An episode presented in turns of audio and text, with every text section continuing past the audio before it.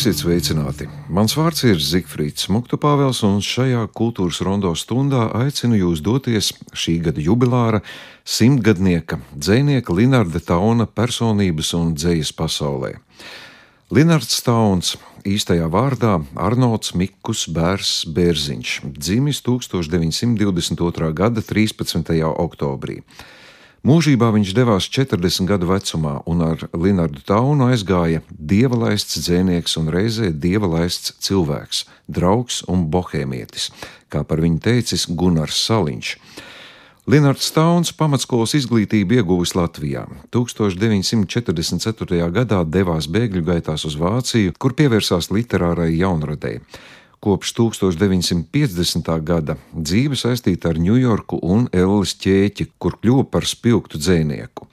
Viņa mājvieta Manhetenes ostas tūmā izveidojās par domu biedru garīgās tikšanās un iedvesmas vietu. Dzīves laikā izdots dzējoļu krājums Mūžīgais mākonis. Pēc nāves dzēju apkopoja draugs, dzēnieks Gunārs Saliņš krājumā Laulības ar pilsētu. Izdots arī dzējas kopkrājums Iesim pie manas mīļās. Latvijā dzējas izlase plīvošana ar pilsētu un dzēja. Šogad atzīmējot Linārda Tauna simtgadi, tika rīkots simpozijas un diskusija Taunam simts un koncerts Mūžīgais mākonis, bet šobrīd Rakstniecības un mūzikas muzejs sarūpējas viņam veltīt izstādi Linārds Tauns Mūžīgais mākonis. Šajā raidījumā dzirdēsiet pārdomas par Linardu Taunu no dziniekiem Artu Ostupu un Kārļa Vērdiņa, bet vispirms, skanot Tauna dzējai, ko mūzikā ietērpuši Aivars Hermans un Ieva Akurātere, dosimies uz tikko atklāto izstādi Pulka ielā Rīgā.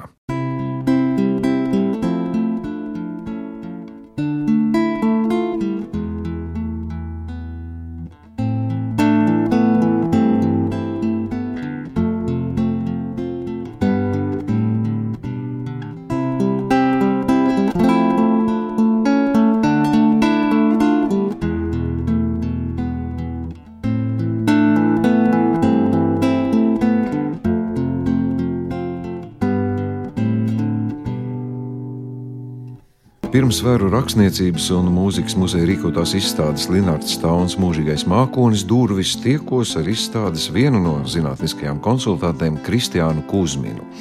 Viņa ir īpašas attiecības ar dzēnieku, un tāpēc lūdzu viņai par tām izstāstīt arī mums. Pie tauna es nonācu patiesībā, varētu teikt, tādā nejaušības kārtā mazliet, jo tad, kad es sāku studēt, tad mums bija kurs par um, latviešu literatūras vēsturi. Un, protams, tajā arī stāstīja par uh, uh, trimdas periodu.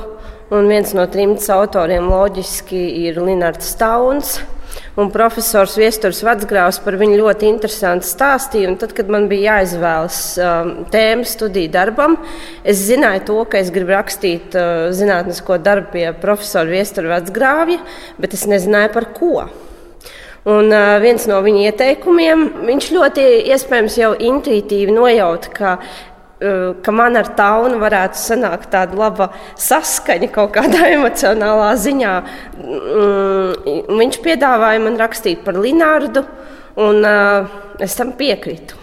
Nu, kas ir tā saskaņa? Dzēja vai personība? Gan dzēja, gan personība. Es teikšu, tā, ka man Linārds pa šiem gadiem uh, ir kļuvis par uh, dvēseles brāli, dvēseles radinieku. Es viņu tā uztveru. Um, tas ir gan tas, ko viņš. Um, raksta dzējā, tas viņa pasaules skatījums, kāds viņam ir. Es domāju, ka mums viņi abi saskan tie pasaules skatījumi. Gan arī tīri raksturziņā mēs esam kaut kādās iezīmēs vienādi, jo mēs abi esam diezgan sirsnīgi. Izstāstiet, nu, kāda jums liekas tāda vēsele, varbūt dzīsliskā. Viņš ir romantisks, viņš ir arī moderns tiem laikiem. Uh, jā, sākotnēji viņa agrīnajā dzējā, protams, ir tās romantiskās notis, arī varbūt mazliet sentiments un naivums. Bet tad, kad viņš nokļūst Ņujorkā, tad strauji mainās viņa dzīslas tēlainība. Un, uh, viņā burtiski, no viņa burtiski izplūst tie pirmie Ņujorkas iespaidi, kas ir ļoti tādi uh, krāšņi. Uh, tās ir tādas spilgtas sajūtu gleznas kaleidoskopiski motīvi, dažādi, ļoti interesanti tēlu salikumi. Un tāpat laikā nu, tas, kā viņa dvēsele izpaužās dzējā, nu, nu, tas ir tā, tā tiecība uz to mūžīgo riņķošanu, uz mūžīgo tādu nu, plīvošanu, tādu lidināšanos kaut kur. Viņš, viņš pēc tā tiecās pēc tā viegluma. Viņam ļoti gribējās to, bet viņš, viņš diemžēl to savā dzīvē nesasniedza. Nu, tas vieglums, kā to varētu izprast, jo man šķiet, ka viņš diezgan mokoši tomēr pie saviem dzējoļiem. Vai tie nāca viņam viegli? Jūs zināt kaut kādus faktus, kā tapa viņa dzējoļi? Nu, to ir grūti pateikt, cik viegli vai grūti viņam viņa nāca. Es zinu to, ka viņam no 52. un 53. gadā bija radošākais periods, jo viņš bija atteicies lietot alkoholu, viņš bija ap, apsolījis uh, saviem draugiem, ka viņš vairs nedzers, un tas arī bija viņa radošākais periods. Uh, Es domāju, ka visgrūtākais periods radī, radīšanas procesa ziņā viņam bija dzīves nogale, jo tad bija arī tā lielākā iekšējā sašķeltība nu, tas lielākais pretstats, ka viņš nevar starp vēlamo un starp esošo, starp iedomāto un starp reālo. Kā vajadzētu būt un kā ir. Un kā cilvēks, jau arī nākot izstādē, mēs lasām priekšrakstā, ka viņš negribēja stāstīt par sevi, ka, ko mēs zinām par viņu, kāds viņš bija. Nu, nedzēra labi, viens punkts. E, nu, par sevi viņš patiešām negribēja stāstīt, bet uh, cik ir, cik ir lasīts par to, kāds viņš ir bijis cilvēks. Nu, pirmkārt, jau ļoti vienkāršs un sirsnīgs. Un, uh, viņš nekad nav tā nu, tā izcēlis sevi. Viņš man liekas, tiešām nekad nemeklēja kaut kādu tādu podestu, uz kā varētu uzkāpt. Nu, tad es esmu pārāks vai, vai tāds. Viņš bija, viņš bija ļoti draudzīgs. Man liekas, tas, ko viņš tiešām arī meklēja cilvēkos, bija tā sirsnība. Un tas man liekas, vispār, tas ir tas, ko mēs no viņa varam paņemt. Tas, kas mums vispār visiem ļoti pietrūkst. Tā sirsnība. Mēs esam palikuši tik vēsi un ignoranti. Un, Nu, tā, nu, man, man gribētu... Nepiekritīšu. Nu, ne jau visi taču. Nē, nu, protams, ka ir izņēmumi. Protams, es jau nesaku, ka mēs tagad visi kā roboti staigājam un, un tā, bet nu, pasaulē ir, man liekas, kaut kāda tāda tendence atsvešināties. Kas bija viņa draugi? Ko jūs zināt par Elles ķēķi? Nu, tur jau gāja diezgan lustīgi brīži. Jā, viņi tur bija ļoti lustīgi. Viņi daudz dziedāja un runāja, un, protams, arī iedzēra.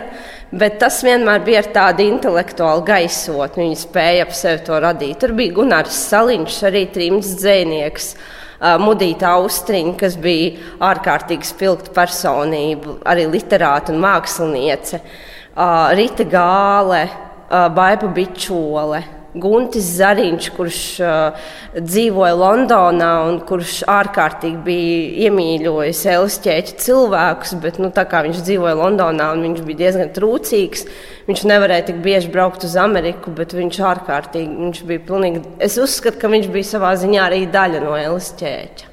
Jums ir kāds mīļākais dzējolis varbūt? Man ir mīļākais dzējos, man daudz ir mīļākie dzējoļi. Varbūt, ka vienu jūs varētu nolasīt. Varu. Tā, viņš ir, tas ir agrīnais dzējolis, ko viņš ir rakstījis jaunībā. Tas ir uh, dzējolis no Aurēlijas grāmatas. Un šajā dzējolī man vislabāk patīk tauna rotaļība. Šeit viņš ir tik ārkārtīgi rotaļīgs un tāds hmm, nu, kā, lai, nu, nu, kā lai pasakā tāds, nu, tāds, nu, tāds mm, nevarētu teikt, ķircinošs, bet tāds nu, savā ziņā pat kaut kādā mērā pavedinošs. Nerātna dziesma vēlēja viesņai. Ilgi oglēs grozu, jauna auna ribu. Tagad savu vēlo viesņu, tagad mielot gribu. Vistas kāja podā, gaļa seksti galdā, droši sēsti galda galā, viešņa mazā saldā. Misas krūzi lieku, blakus skābeņu virai, medus sulu klātu jaucu, sūrai sarmūgžu dzirai. Trīsreiz jaucas ceļu, āža raga kausu, izdzer mana mazā saldā, izdzer viņu sausu. Vējš sit zarus rūtī, nokrīt pīlāģogas, pīlāģogas tavas lūpas, manām klātu zogas. Aizdarīšu slēģus, šaušu durvīm bultu, pašā būdas vidū klāšu mīkstu salmu gultu. Svece dziest, sad stumsa tavu acu zibu, tagad savu vēlo viešņu, tagad mīļot gribu. Cik skaisti, vai ne? Jā, man Jums... šeit arī ieskanās ļoti svarīgi tēli, kas ir, manuprāt, ar tādu ļoti latvisku, pirmotnēju tādu noskaņu, piemēram, misas krūze, sarmūkši, skābeņu vira. Tas latviskums burtiski plūst. Viņš Te... ir sajūtams, tās sajūtu gleznas uzreiz var sagaršot, sasmaržot. Tas ir rotaļīgums, tāda paspēlēšanās. Es domāju, ka jūs esat laimīgi, ka ir šī izstāde, vai ne? Ļoti. Jūs var, jums ir idejas arī, kā varbūt jūsu gara radinieki varētu popularizēt, varbūt nākotnē, kad izstāde arī būs beigusies, ko mēs vēl neesam izdarījuši. Meklējiet tauna dzējoļus un lasiet viņus. Pats. Un klausieties ievas akurāteres dziedātās dziesmas ar tauna vārdiem. Meklējot dziesmu Skatos es ielās, pa šauru logu, pasaulē lielā, apmāc apstūbis pavēršu ausi. Klausītamies pasaules skaņās, nevis amaņām pasauli tvēru.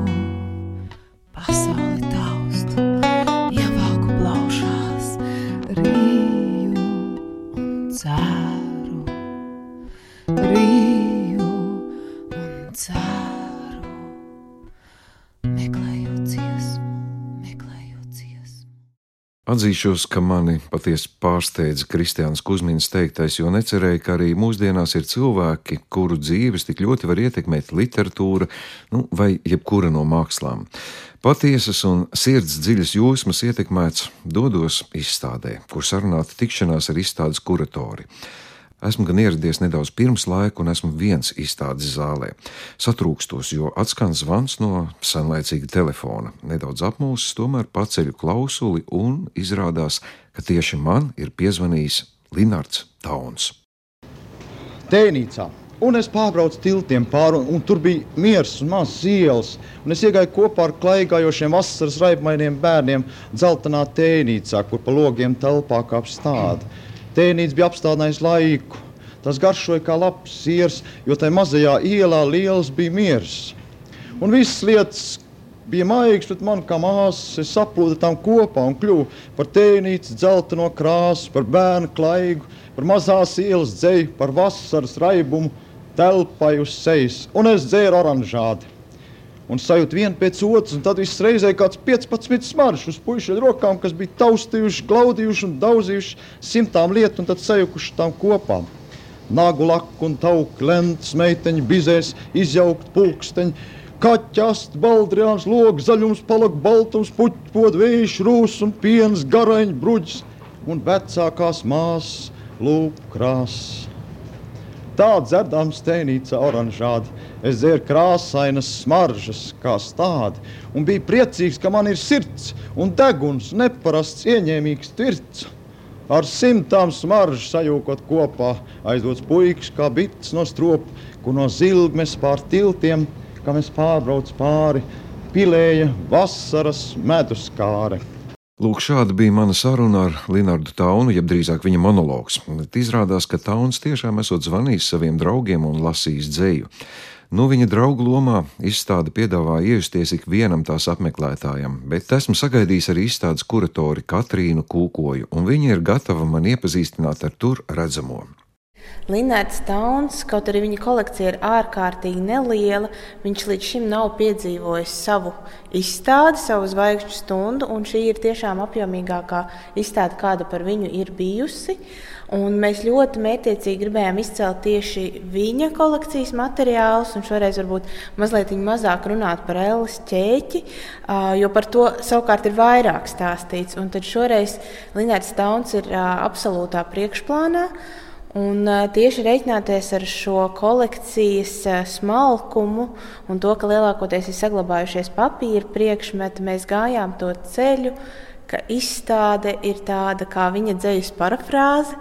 Man gribās par šo izstādi domāt kā par tādu dzīslu scenogrāfiju vai, vai scenogrāfiju, ko varētu saukt par dzīslu, jo katrs elements, kas šeit ir, ko mākslinieca Anna Henriksona ir izveidojusi, Tas ir visnotaļ taunisks, visnotaļ ieved mūsu šajā sajūtā, un uh, jebkurš apmeklētājs, kas šeit ienāk, var sajust to gan uh, caur priekšmetiem, gan tēliem, mākoņiem, gan šīm plīvojošajām lapiņām, gan arī caur skaņu ainavām, kas šeit ieved gan uh, tauna bērnības vietā, ragaciemā pie jūras. Uh, gan aizved mūs tādā pārejas posmā ar dzelzceļu uz Vāciju, kur viņš.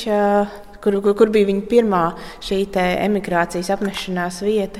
Un tad, izējot cauri tādām plīvojošām, baltām, nu, tādām strēmelītēm, gandrīz kā tāda izkārta veļa šeit, mēs nonākam Ņujorkas posmā, kas arī mūsu krājumā ir visplašāk pārstāvēts.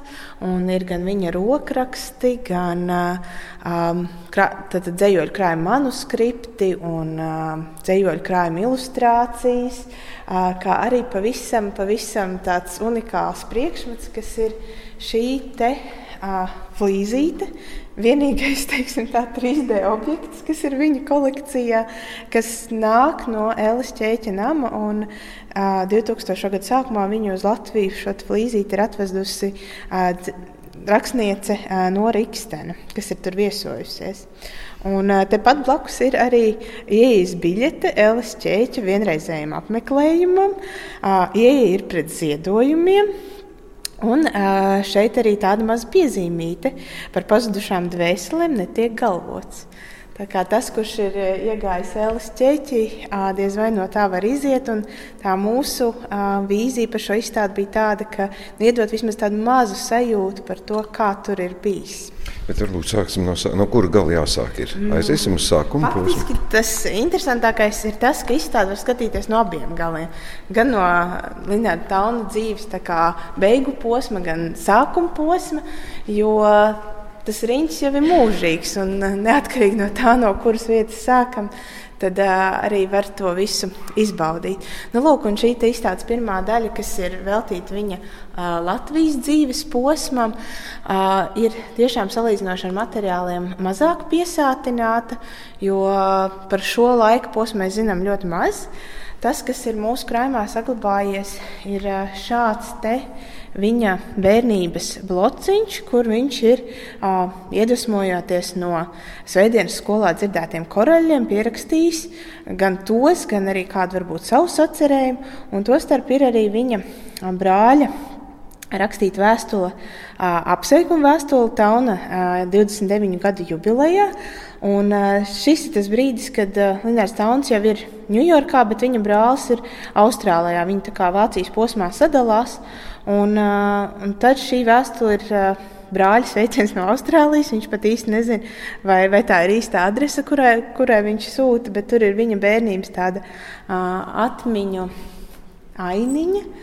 Uh, ko es varu nocitēt, nocitēt par laiku Anniņa mužā, kas ir tepat netālu pārdaugavā. Domājot par laika skrējienu, cik ātri tas aizslīd un pazūd, man jādomā par mazo mikiņu. Kad viņš vēl bija tāds maziņš, maziņš, vēl tad, kad papuls jautāja, kā tevi sauc, un tu atbildēji Arnolds Mikus Bērs Bērziņš. Man jādomā par mazo mikiņu, kurš spēlējas ar Kazbeku, kurš vēl nezināja, ka Kazbekam ir rāgi un ka viņš to slēdz darbā, kur vajag un kur nevajag. Man jādomā, kā viņš kūņojas pa laukiem un pļavām, kā viņš reiz garā adītā micē ar lielu bumbuli galā viens pats bija nogājis pie fotografa un nofotografējies. Man jādomā arī par to, ka viņš čīkstēja un pīkstēja pat tad, kad lielais brālis viņu uzskatīja. Tālu tie laiki, kā laiks aizskrējis, nekas nav tā un tāds kā toreiz. Jā, kas to var visu izdibināt? Bet šīs vēstules, jā, kā viņas nonāk, visi šie priekšmeti, arī tie, kas no Ņujorkas, ko mēs vēlāk skatīsimies, tas taču ir diezgan sarežģīts ceļš. Lielākoties šo taunu kolekciju uz Latviju palīdzēja atgādāt uh, Gunārs Saliņa ģimene, un caur to šie materiāli ir saglabājušies. Arī tās vēstules, kas ir sūtītas viņam, tad tās ir muzeja krājumā. Nu, šeit mēs ejam jau tālāk, jau vēl pirms kara periods. Šis pirmskara periods ir zīmīgs arī ar to, ka uh, Linnards Tauns iedvesmojas. Un, uh, viņa pirmie lielie dižgari, kam viņš pieskarās, ir Aleksandrs Čaks, Eriks Ādamsons un Vilis Cedriņš. Un tas ir arī šeit izstādē ar tādām mazām lapiņām uh, atzīmēts, kuras arī plīvo. un, uh, tas ir tāds papildus efekts izstādē par šo tauna netveramību. Un, uh, tālāk jau sako šis Vācijas posms, kurā ir arī viņa pirmā uh, dzējoļu publikācija Ganu meitenei. Un šeit viņš arī sastopās ar uh, savu pirmo mūzu, Aurēliju Skrindu, uh, kas arī ir bijis viens no katalizatoriem, lai viņš kļūtu par dzinieku, jo viņa attiecības tomēr beidzas nelaimīgi. Un, un varbūt tieši caur šo arī aizsāks tāds viņa lielais ceļš. Dzējā un arī Vācijas posmā viņš pieņem savu pseidonīmu, Linnards Tauns. Kopš tā brīža viņš arī sevi šādi dēvē visās publikācijās. Labi, iesim cauri mākoņiem. Tie mākoņi patiešām ir daudz. tie, tie rada tādu iespēju, ka mēs būtu debesīs. Jā, tieši tāds iespējas arī bija mums iecerēts. Un šis ir tāds nākamais posms, kas ir tāda tā kā pārceltuve, kurā mēs iepazīstam, iepazīstam Linārda Tauna iedvesmotājus, kas viņu ir kaut kādā laika sprīdī kā, pacēluši. Un, uh, var redzēt arī tādas paralēlas motīvos. Uh, šeit ir gan citāts Aleksandrs Čaks, gan, gan Ādamsons ar savu sapņu pīpi, uh, gan Bodlērs ar saviem mākoņiem, gan Gijoms Apolinērs ar gājienu, kas arī ir tāds uh, Linēda Tauna uh, motīvs, ko viņš atkārto vairākos dzējoļos. Un, uh, izējot cauri šim, mēs pamazām varam nonākt līdz tam, kāda ir tā viņa dzeja, ko mēs redzam tālāk jau Ņujorkā. Bet ir vēl viens mazs pārsteigums šajā izstādē. Un, uh, tas ir tāds, tā ir mūsu versija par to, kā uh, varētu lasīt Linnārdu Tānu starp rindiņām. Tie ir izvilkumi no viņa dzējoļiem, kas kā, zināmā mērā arī parāda šo viņa.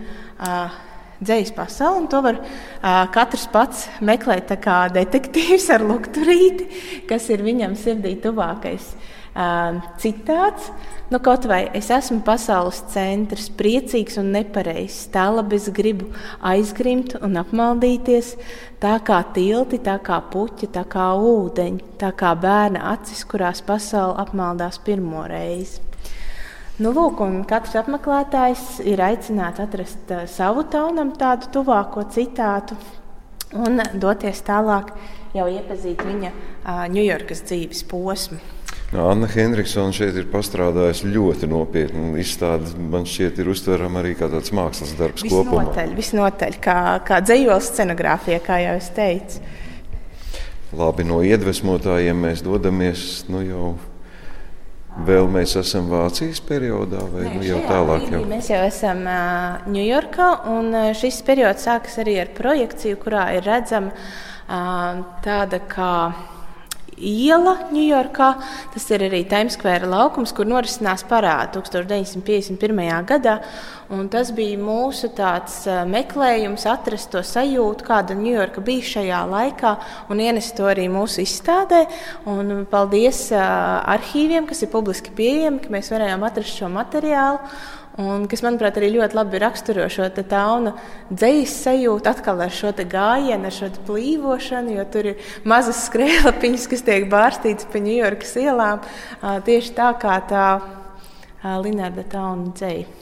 Un man katrā ziņā tā bija viena no atslēgām, kas padarīja tuvāku šo tieši Ņujorkas sajūtu klātesošu. Vai te starp šīm dzīslas, un nezinu, kā tos aizkars varētu teikt, vai mākoņi sauksim, laikam tā te drīkst staigāt arī cauri? Jā, drīkst staigāt cauri, un, protams, viņi apbružāsies, bet tas ir tieši tas, ka izstāde ir dzīva, un katrs mēs atstāsim arī savu nospiedumu šeit, un tas tāds apusējs process, gan, gan apmeklētājs kaut ko iegūst, gan mēs no apmeklētāja, zināmā mērā.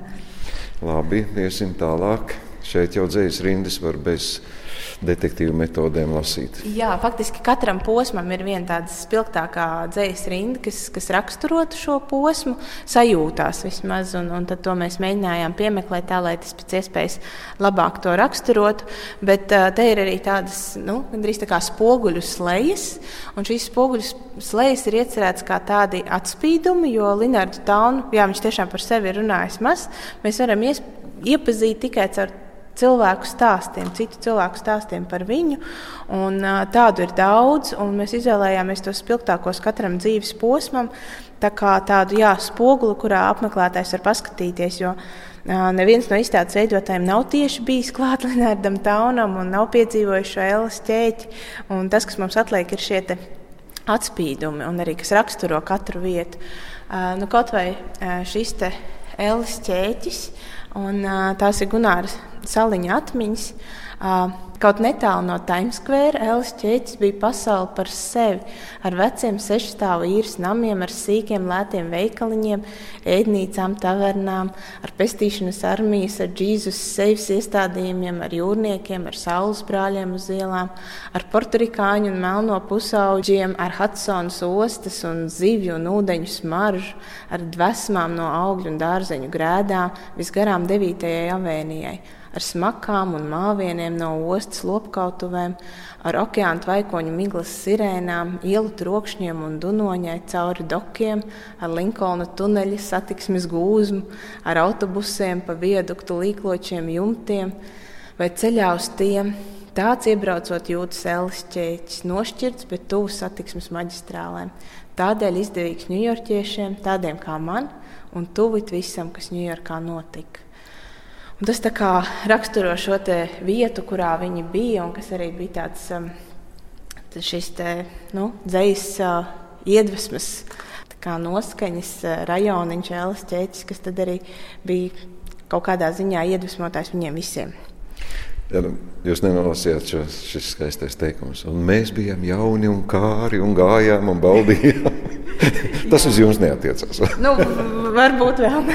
Tur es vēl neesmu bijis. Nu, lūk, un vēl šajā izstādē ir arī tāda skaista saules puķu saule. Jo, protams, viens no Linnarda Tauna iedvesmotājiem bija mākslinieks Vincents Van Gogs. Tad mums likās, ka saules puķi, kas arī šodienas kontekstā ir tāds brīvības simbols, ja mēs atceramies par to, kas šobrīd notiek Ukrajinā, tad arī mēs vēlējāmies, lai šo izstādi apspīd tieši saules puķi, kā tāda saule, kas arī atgriež cerību un spīd starp mākoņiem. Tāds nejaušs simbols, vai ne? Jā, kaut kādā ziņā nejaušs un jaušs reizē. Un visbeidzot, mēs tā kā kustamies jau tālāk vienai no tādām izstādes kulminācijas vietām. Šeit gar sienu vēl ir lapiņas, kas, kas stāsta par Linārda Tauna dzīvi Ņujorkā, bet tā lielākā kulminācija, protams, ir šis nelielais dzīvokļa iekārtojums kas ir arī tāda mākslinieca Annas Henriksons parafrāze par visu to, ko mēs varam lasīt, kāds ir bijis šis dzīvoklis. Un šī kopējā vīzija ir radusies no daudz un dažādām detaļām, tam, ka visu laiku ir bijušas mazas lapiņas, visas riņķī. Protams, šeit ir arī redzama Coca-Cola pudelīte, jo tajā periodā, kad Linnards Tauns bija visražīgākais, viņš nelietoja alkoholu, bet uh, lietoja Coca-Cola, kas uh, kaut kādā ziņā, manuprāt, arī mūsdienu jauniešiem varētu būt saistoši kā tāds iedvesmotājs. Un, protams, arī šie mākslas albumi, jo viens no tiem veidiem, kā viņš mēdza rakstīt, bija noliekot mākslas albumu sev pretī uz sola, skatoties šajā mākslas darbā un iedvesmojoties no tā, top arī dzējolis. Jā, un šis drūmais uzraksts beigas. Šīs ir tās beigas, ko mēs zinām, ir, kā ir aprakstīts Linnārda Tauna aiziešana no šīs pasaules, kas ir diezgan kā lai to pasakā, tāds esejs, cienīgs notikums, vai pat kaut kādā ziņā novelas cienīgs notikums par cilvēku, kurš aiziet pie ārsta un saņem recepti sirds zālēm, nervu zālēm un dodas meklēt aptieku. Neviens nevar skaidri pateikt, kāpēc viņš tik ilgi ir meklējis šo aptieku, bet tiklīdz viņš tur nonāk, viņš tur arī paliek. Un izstādē šo gabaliņu mēs esam iekļāvuši pilnu, pilnu citādi no vidvuda kļavas esejas gaismu viņa izdzēra, kas man liekas arī ļoti labi raksturo šo viņa beigu posmu. Bet uh, man gribētos domāt, ka šeit izstāde gluži nebeidzas jo Linēda Tauna dzēja mūs iedvesmo vēl šobaldienu. Tas ir arī viens veids, kā mēs gribam turpināt šo izstādi, jo viņi Viņai ir diezgan ilgs mūžs līdz nākamā gada septembrim. Šajā laikā mēs mēģināsim Linārda Tauna dzēju ar tādiem QR kodu mākonīšiem izplatīti pa visu Rīgu. Tādās kā mazās video etīdēs šobrīd mums jau ir trīs, un tās uzlīmītas parādīsies pilsētas ielās. Gaidiet, un, un drīz būs arī vairāk, un mēs arī centīsimies viņus aizgādāt tajās vietās, kas šeit Latvijā ir bijušas svarīgas Linardam Taunam, kas ir gan Ragaciems, gan Anniņa mūža, gan Grīziņkalns un Čakmarijas iela, tas rajoniņš. Tā kā visas šīs vietas kaut kādā ziņā iemirdzēsies ar Linārda Tauna mākonīšiem. Rodas sajūta, ka tāda Linnarda Tauna kā renesanse vai drīzāk pat piedzimšana Latvijā, jo nu, nav bijusi mums iespēja Linnarda Tauna dzēju nemaz tik daudz lasīt. Nu, faktiski šogad nu, ir tā reize, kad tiešām visi ir sarosījušies, lai, lai daudzinātu Linnardu Taunu. Man liekas, tas ir ļoti, ļoti pelnīti, jo viņa atgriešanās šeit Latvijā man šķiet ir svarīga mums pašiem, lai mēs zinātu, ka viņš jau nav tur tālu projām, ka viņš tomēr ir savējais. Jo arī tur svešumā būdams, viņa, viņš um, savā dzējā neko nepadarīja svešu. Viņš viņu tā kā saviskoja. Un tagad mēs mēģinām viņu saviskot atpakaļ uz, uz Latviju, uz, uz Pārdaugavu. Jo faktiski ir arī tā, ka uh, vieta, kur viņš tika kristīts, ir tepat Mārtiņa baznīca. Tad, uh, jāsaka, mums ir ļoti labi uh, noveicies ar šo lokāciju, ka tieši šeit. Uh, Pārdaugavā pulkielā mēs varam stāstīt par Linārdu Taunu. Katrīna Kūkoja mūs iepazīstināja ar rakstniecības un mūzikas muzeja rīkoto izstādi Linārds Tauns - mūžīgais mākonis, kas skatām Rīgā pulkielā, bet viņas stāstījumu atkal pārtrauc telefona zvans. Narcis Caur pilsētu iet meitene zili bāla, dārza tāla, narcises matos taiziet. Viņa iet un raugās pilsētas dārzos kā draugos, un viņas tērpa krokās bālas nacis zied. Caur pilsētu meiteni iet, rokās bālu ziedus turot, un viņas dvēseli biklo tīk narcisēm aizplīvurot.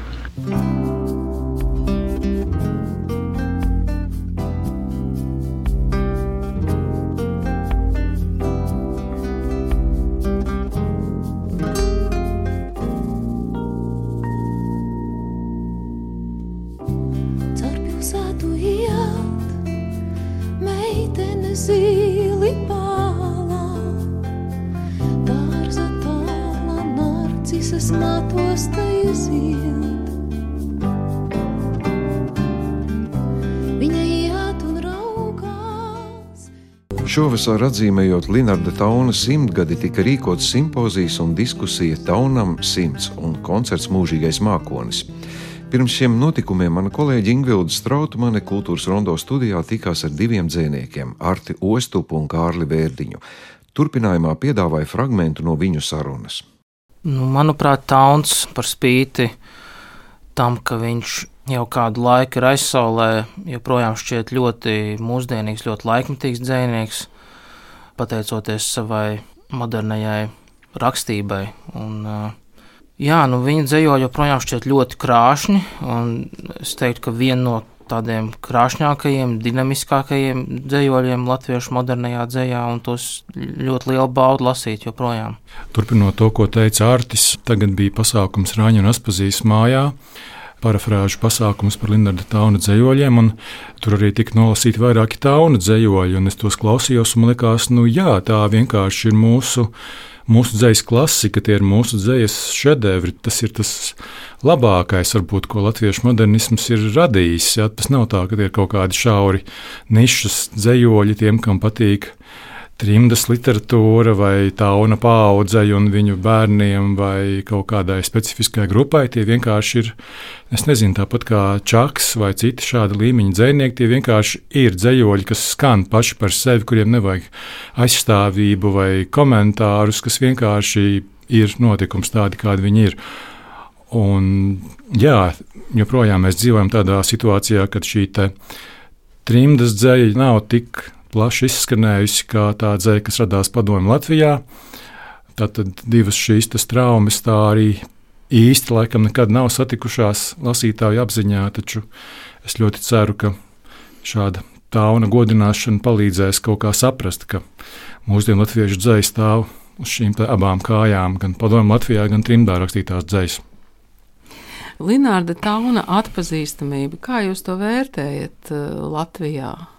Mm, grūti pateikt, kā ir ar piemēram mūsdienu skolu programmām, vai, vai tur taunam ir ierādīta vieta vai nav.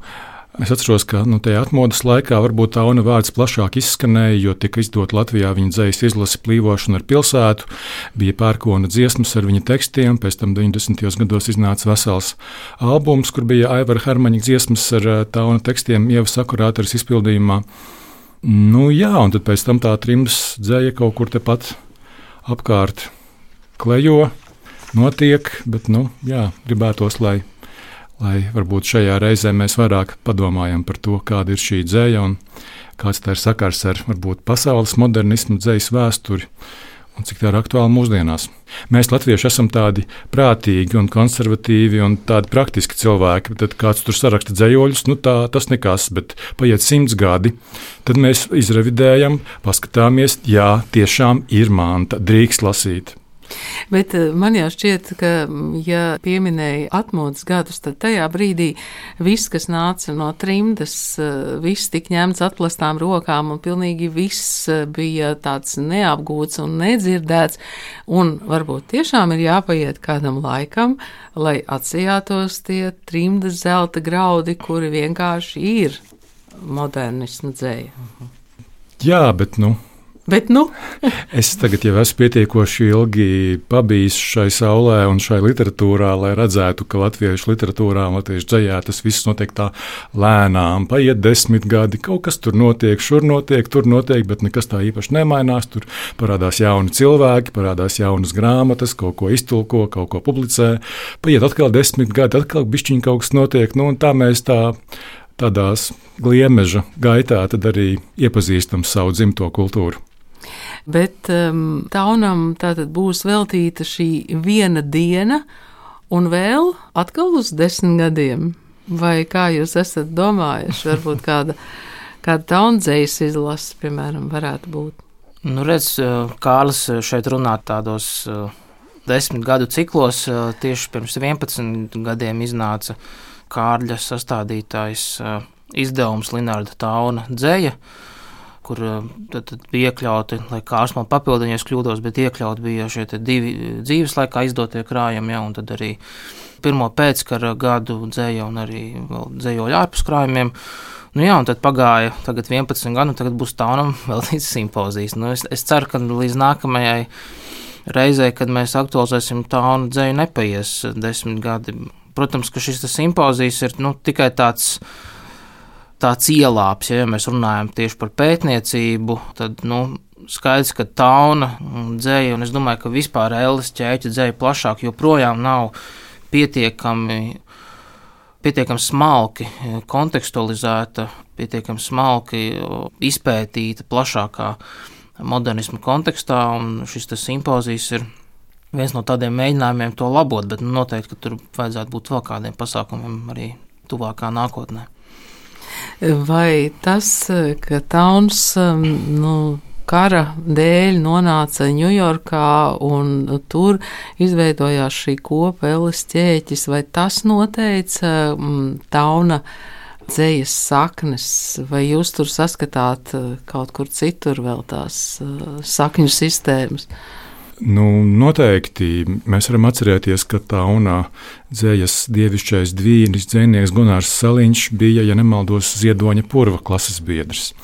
Un tad mēs varam iedomāties, Gunārs Saliņš emigrē un dzīvo Amerikā, ziedonis purvs paliek Latvijā.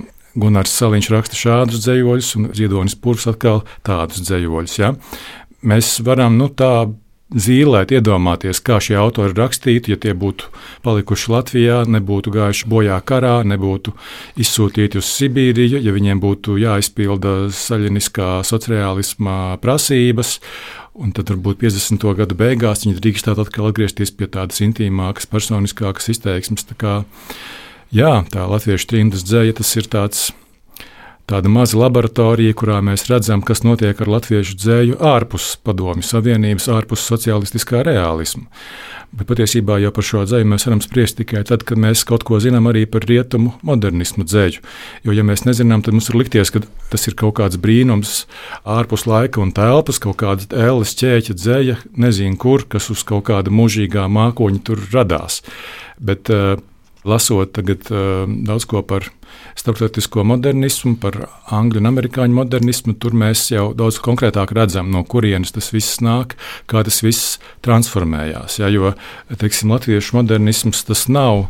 Tā nav imitācija, tā nav atdarināšana. Tas ir, ir, ir lietas, kuras paņem no tā, ko ir radījis starptautiskais modernisms, un tiek adaptētas šīs lietas atbilstoši tam, kāda ir šī nu, literārā kultūra Latvijā, mantojums, intereses. Tāpat kā tā saucamā Hārlemas renesanse, Melnādaino eh, autora literatūra arī paņēma daudz ko no modernisma, tā pašā laikā saglabājot kaut kādu savu atsevišķu savdabību. Linārds Stauns ir pilsētas dzinieks, jebkurā gadījumā. Ja?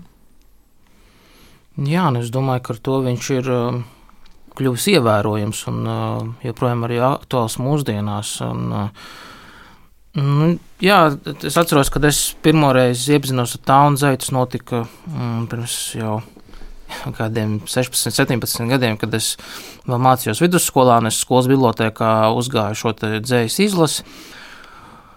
Un tas, kas man toreiz pārsteidza, bija jā, šī te, nu, tāda pasaules elpas klātesamība. Tur bija kaut kāds, tajā dzējā kaut kāds plašums, bija, kas varbūt nebija tik izteikts tā laika latviešu dzējā, tātad 50. un 60. gadu, nevis latviešu, bet Latvijas, Latvijā rakstītajā dzējā.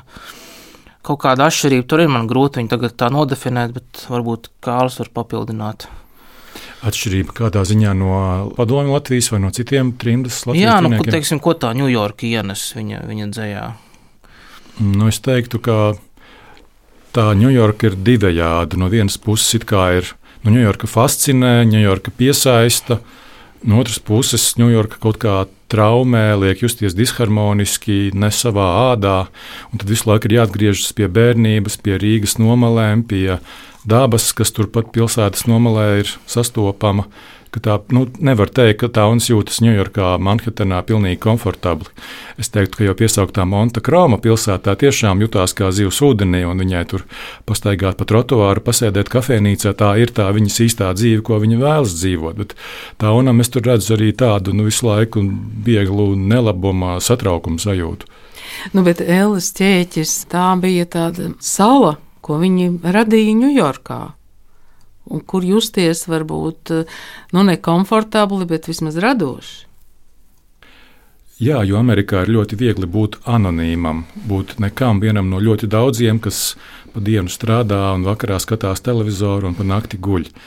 Un arī mūsdienās pastāv visas šīs nacionālo minoritāšu nezinu, nāmī, apvienības, organizācijas, ir tāda vēlme kaut kam būt, pie kaut kā piederēt. Un sevišķi, ja tu esi dzinieks, kas raksta latviešu valodā, nu tad kontakti ar citiem tādiem pašiem tas ir šausmīgi svarīgi, bez tā vienkārši nevar.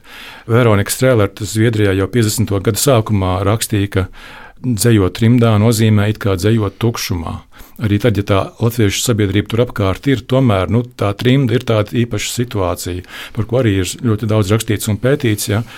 Tad tādā vēlēšanās satikties, vēlēšanās atrast dombiedrus, tas ir izšķiroši svarīgi. Un, principā tā auna dzējā modernisms arī uzplauka, tāpēc, ka bija Gunārs Saliņš, bija Ēlis Čēķis, bija tas viss, kas radīja iespēju viņam modernizēties. Mm, jā, bet mazliet pie šīs praktiskās puses pa dienu strādāja, vakarā bija dzēja un māksla, un pa nakti gulēja iespējams, bet tas bija arī tas viņu ritms. Viņiem pa dienu vajadzēja strādāt, lai vispār uzturētu sevi. Jā, Tauns strādāja par burtlīci, viņš strādāja pie latviešu izdevumiem, grāmatām, salika tos. Un tas darbs bija diezgan smags, un viņš strādāja garas stundas. Viņš raksta vēstulēs, cik ļoti viņš ir noguris pēc garajām stundām. Nu, tad satikšanās Ēlas ķēķī vai nu pie Linarda, vai kādā krodziņā, vai gleznotāja Friedricha Milta darbnīcā, braucieni uz latviešu lasījumiem latviešu nezinu, rakstnieku dienas, dziesmu svētku rakstnieku rīti, koncerti vai izstādes. Nu, tie bija tie atsevišķie brīži. Tā otra kad, dzīve. Tā faktiski. otra dzīve, kad latvieši sanāca kopā un tad uzturēja šo trimdu kultūru. Linārds Tauns, tas ir viņa pseidonīms. Kāda ir tā rašanās? Tur ir saistība arī ar pilsētu, vai nē?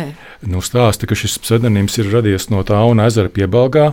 Protams, Tauna, kā angļu valodas vārds, kas nozīmē pilsēta, mazpilsēta, arī šķiet visai zīmīgs, taču nu jā, Tauns šo pseidonīmu piesavinās jau Vācu, Vācijā dzīvodams. Publicēja savu pirmo dzējoli ar šo pseidonīmu 48. gadā, līdz ar to droši vien, ka tas būs paņemts līdzi no Latvijas, no piebalgas. Bet eh, par viņa Latvijas dzīvi mēs zinām diezgan maz. To dzīvi, kas ir pirms kara. Dauns par sevi teica, man nav biogrāfijas. Viņš vēlējās, lai par viņu tā domātu. Viņš nāca no diezgan nabadzīgas ģimenes, kurā bija daudz bērni, kuru tēvs vienā brīdī zaudēja savu darbu, un līdz ar to ģimenei klājās grūti. Arī Tauns agri sāk strādāt eh, fizisku darbu, līdz pat eh, brīdim, kad viņš nokļuva Vācijā. Un, jā, un tad Citi Elis ķeķi bija varbūt no mazliet citām aprindām. Tur bija Mudīta Austriņa, kas bija Antona Austriņa meita, Kārļa Skābes krustmeita. Tur bija, piemēram, abi saliņi, Gunārs un Jautrīt, viņiem bija Jāgauts skolotāja institūta izglītība.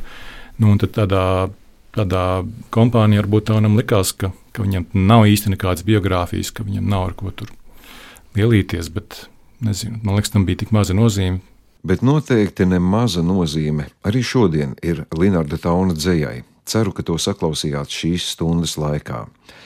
Tauna dzējā jau no tās sākumiem valda nāves jausmas, un nāvi viņš tēlo kā sajaukšanos ar pirmelementiem elementiem